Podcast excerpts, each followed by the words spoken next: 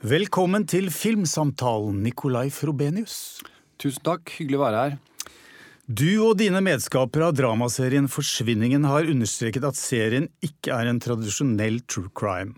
Dere søker ikke å komme til bunns i den såkalte Lørenskog-saken, der Anne-Elisabeth Hagen forsvant, sannsynligvis kidnappet. Isteden er det det sivile samfunnets reaksjon dere er opptatt av. Media, advokater og ikke minst politiet. Var dette det grunnleggende premisset helt fra starten? Ja, det var det. Det var Steven Ulander og jeg som fulgte med på denne saken som alle andre nordmenn, eh, mediebrukere i Norge, gjorde eh, fra 2018 og fremover. Og vi ble ganske sånn fascinert av dette at det oppsto en eh, medial situasjon som var ganske sånn hyperbol. Altså hvor det var et villnis av spekulasjoner, rykter, teorier, hypoteser som flommet over oss. ikke sant? Og saken var jo uløst, men disse, eh, denne situasjonen fortsatte bare å generere flere og flere eh, rykter og påstander. Og det, Vi syns det var en ganske interessant situasjon, dette at det, en uløst sak kan avstedkomme så mange eh, rykter, da. Ikke sant? Og mm. vi tenkte litt på hva dette uløste gjør med oss. Hvordan forholder vi oss som individer og som samfunn i forhold til det uløste? Og kanskje er det noe grunnleggende ved oss mennesker, da, at det å stå overfor noe uløst, det vekker en viss type reaksjon i oss. Og det var vel det vi sånn i utgangspunktet ønska å utforske. Mm. Altså, En av hovedpersonene, Tom Hagen, som har vært mistenkt, eh, er jo på en måte skjøvet ut i bakgrunnen her. Eh, altså ektemannen. Og dere var ikke på noe tidspunkt redd for at dette ikke skulle bli sterkt nok, altså rent dramatisk. Det å, det å skyve potensielle eh, skyldige ut i bakgrunnen og se på, se på vår egen reaksjon. Som jo er interessant, men det er dette med Altså, Hva slags type spenning skaper det? Nei, men Vi visste helt fra begynnelsen at vi, vi kan ikke lage en serie om Tom Hagen eller om skyldspørsmålet Nei. eller om familien. Det kan vi ikke. Både sånn etisk og dramaturgisk så var det på en måte utilgjengelig farvann for oss. Det ville vi ikke, og det kunne vi ikke. Så vi var jo først da vi fant ut at vi kan lage en serie med fem forskjellige eh, innganger, fem forskjellige perspektiver, som ser på Tom Hagen og ser på saken.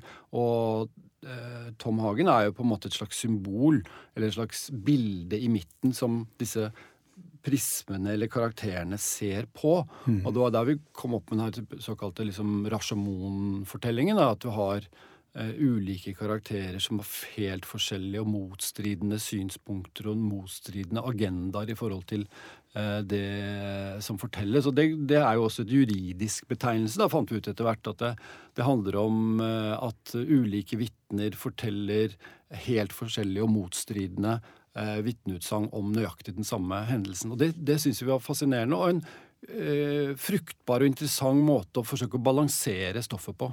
Mm. For vi ville ikke inn i dette med skyldspørsmålet. Vi ville ikke inn i å dramatisere eh, familien Hagen eh, på noen som helst måte. Vi ville liksom ha dem så perifere og mikroskopiske som overhodet mulig. Men vi slet jo også. Vi, I utgangspunktet tenkte vi at eh, Tom skulle være uten replikker, ikke si noen ting, og være en helt stum figur. Slik at vi fikk styrket det perspektivet med våre karakterer og de som arbeider med saken. Han har jo ekstremt få replikker. Han har veldig få replikker, og familien har enda færre replikker. Ja. Sånn at uh, Vi har jo forsøkt å følge det, men det ble vanskelig sånn praktisk, eh, dramatisk, å gjennomføre det. Hmm. Altså det å, å la enkeltepisoder ha en slags tematisk overbygning i den forstand dere gjør her med, med I en episode så handler det om eh, politiet, eller det blir sett fra politiets perspektiv. Så fra advokatens, så fra medias. Altså, Vi har jo sett uh, andre gjøre noe lignende i bl.a. Uh, 22.07., NRKs dramatisering av, av, av terroren 22.07. Så, så ser vi det. The Wire har også gjort tilsvarende ting. Dette er altså da fiksjonsdramaserier. Uh, det er jo ikke dokumentarserier. Men det er kanskje, kanskje nærliggende å sammenligne med de enn en true crime, f.eks. Ja, Vi ønsket aldri å lage noe true crime, Altså, vi kalte det en periode untrue crime.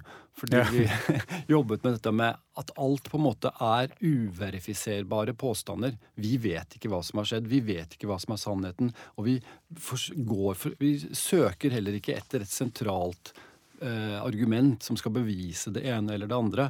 Vi tar opp ulike spekulasjoner som vi prøver å sidestille og forsvare hver karakters blikk på de spekulasjonene. Så, så, Derfor så lekte vi litt med dette untrue crime-begrepet. da. Men vi ville ikke inn i dette at vi skulle leke etterforskere eller prøve å løse saken. Snarere så er jo det et tema eh, med journalisten i andre episode, at han har forestilling om at han skal klare å løse denne saken. Og det er jo en slags en mediekritikk eh, som ligger innbakt i det, da, og som også er formulert egentlig gjennom hele serien. Mm. Netflix er jo på mange måter true crimens eh, høyborg. Eh, de har produsert masse. Og, og, og da handler det om å, å, løse en sak, eller komme nærmere løsning.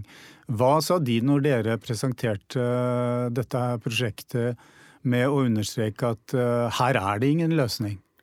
Jeg tror det var nettopp det som gjorde at Netflix eh, var interessert i dette prosjektet. At det var noe helt annet enn det de hadde gjort tidligere. Og de har gjort som du sier, masser av eh, true crime. Men Netflix er jo en gigantisk prosjekt i seg selv som gjør veldig mye type forskjellige eh, innholdsproduksjon.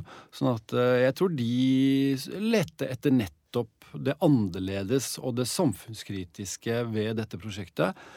Og derfor så var det helt u... Eller det var ikke bare uproblematisk, det var en forutsetning for å gjøre det. Hmm. Hvordan du, ser du på det å lage en, en, serie som berører på en måte tillitsforholdet mellom hva skal vi si, eh, norsk offentlighet og, og systemene?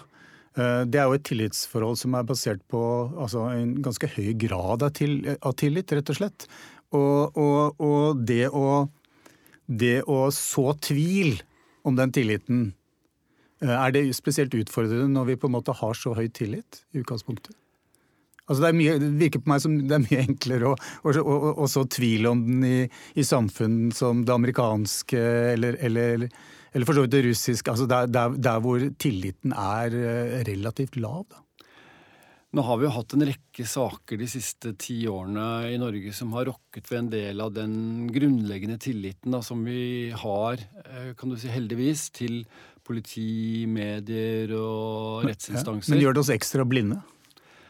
Vi jobbet jo ut, litt ut ifra den tesen, da. At vi har en kanskje litt for stor naivitet i forhold til politiets etterforskningsmetoder, forholdet, og det er ofte symbiotiske forholdet mellom medier og politi, og hvordan politiet også opererer overfor rettsapparatet. Så vi ønsker å utfordre av det, noe av den grunnleggende tilliten der, og se på ja, om hvordan mediene og politiet har håndtert eh, Lørenskog-saken.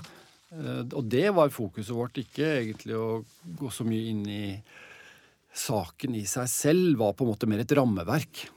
Mm.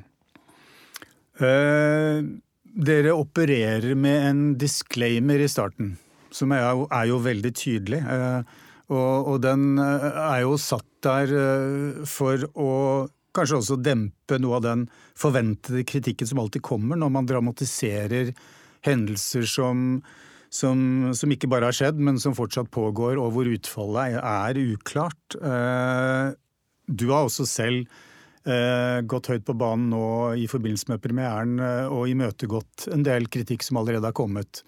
Og det har kanskje vært viktig, fordi dette er jo en serie som kanskje fort kan misforstås, fordi den har et ambisiøst prosjekt om å om å få oss til å på en måte se på våre egne reaksjoner?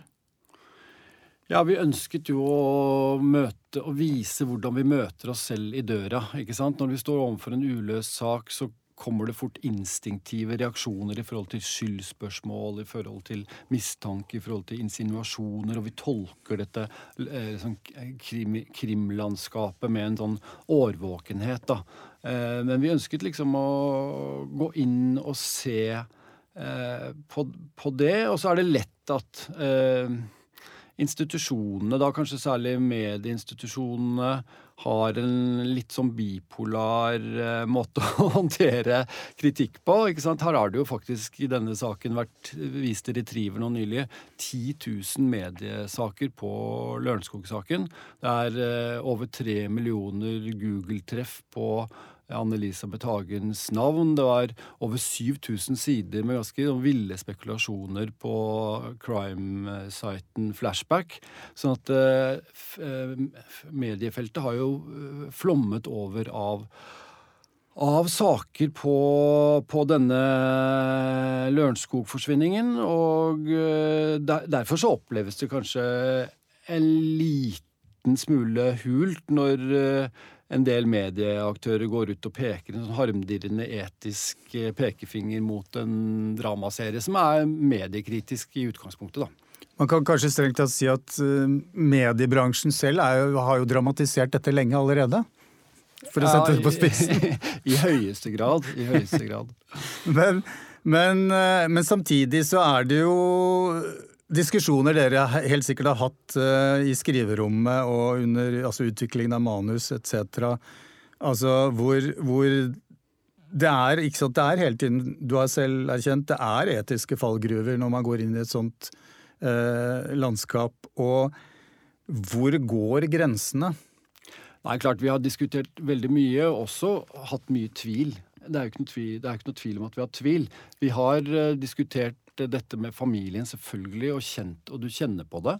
Og vi har jo gjort en god del sånn dramatiske grep for å lage de så små som mulig, for å anonymisere. Så dere har vært i kontakt med familien? Nei, vi har ikke vært i kontakt med Nei. Vi har jo strukket ut en hånd til familien og forsøkt ja. å få kontakt med dem, men har vært, de har ikke ønsket å ta, være i kontakt med oss, og det forstår Nei. vi veldig godt. Mm. Men vi har jo hatt utstrakt kontakt med deres advokater. Men vi har jo Man har jo fått såpass mye gjennom mediene hva slags uh, Eh, familie det er. Og der har vi jo gjort veldig stramme grep i forhold til å anonymisere og skyve dem ut i periferien. For det, det har ikke vært vårt fokus. Likevel mm. så har det vært mange etiske diskusjoner.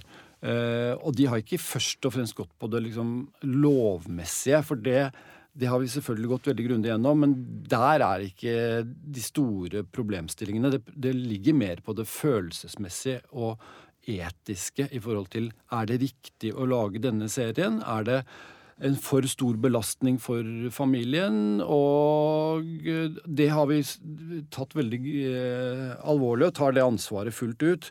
Derfor så er det også litt eh, frustrerende når øh, mediene lager et øh, narrativ rundt serien som at den handler om familien, og at den handler om skyldspørsmålet. For det, er, det var det første vi sa, og det er noe av det som har vært den store gjennomgangsmelodien i hele eh, arbeidet med manuset, og gjennom produksjon og etterarbeid. Det har vært å unngå akkurat det. Mm. Altså eh jeg nevnte skriverommet. Dette er en sånn mytisk konstruksjon som veldig få utenfor seriebransjen egentlig vet hva handler om. Men, eh, men eh, altså, du og din eh, medskaper Ulander har jo da skrevet sammen med et par andre forfattere. Dere har på en måte vært det såkalte skriverommet. Kan du si litt mer om hvordan, hvordan dere har jobbet? Altså, hva var på en måte spiriten i det? Det det, det, åndelige rommet der altså, Det er egentlig veldig lite, veldig lite uh, mystisk, dessverre. Altså, det var mer at det, jeg bodde i Portugal på den tida, og Steven var vel mye i Göteborg og, og, sånn, og vi satt under covid og var på, på, på, på Mac på Skype og snakka og skrev samtidig. Mm. Det var vel egentlig mystikken. ja, da fikk vi liksom uh, drept den mystikken, ja. Men så har vi hatt med oss uh, Torjus uh, Singstad Hemre som manusforfatter, og så har vi hatt Eh, veldig gode researchere. Og så har jo Erik, vært, Erik Skjoldberg vært inne eh, etter hvert som mm.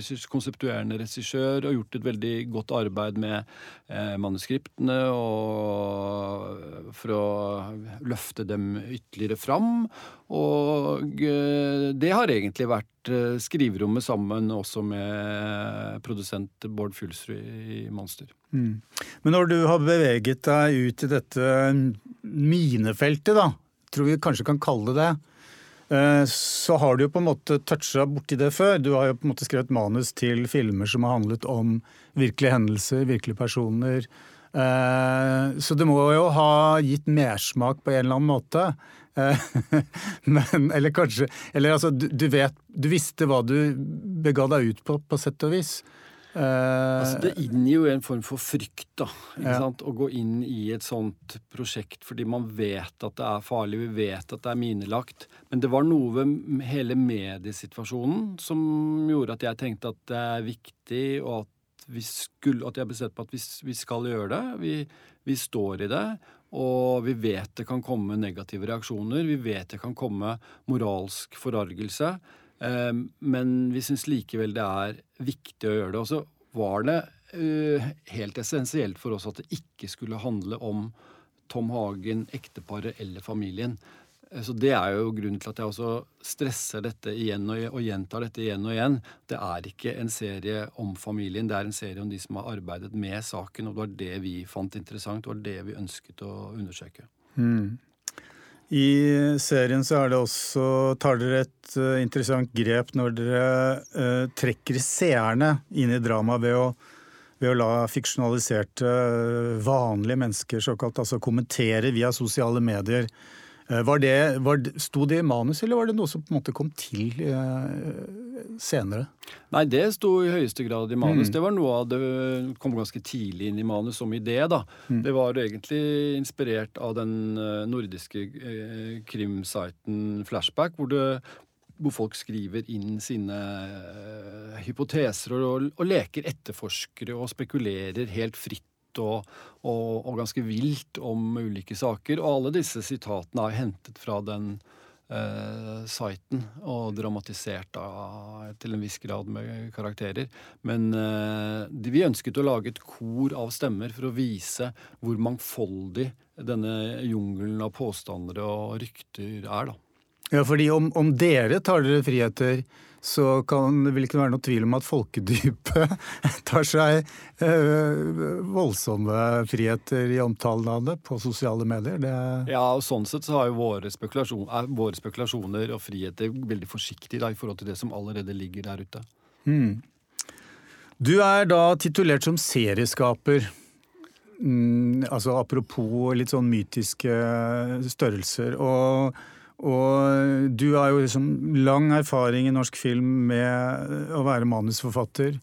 Uh, føltes det bare helt som en naturlig forlengelse av det å skrive og bli serieskaper? Og, og hvordan er det vi skal definere en serieskaper nå for tiden? Uh, det, det, virker på meg som det finnes ulike uh, definisjoner av den, og det virker som det er en, en funksjon som holder på å finne sin form.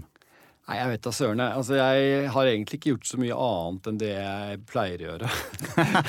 Nei, ok, ja, nettopp. Jeg har egentlig skrevet manus, og så har jeg jo jobbet med regissørene, vært engasjert i castingdiskusjoner, vært litt på sett og fulgt med på etterarbeid. Altså fulgt prosjektet gjennom produksjon som man pleier å gjøre, egentlig.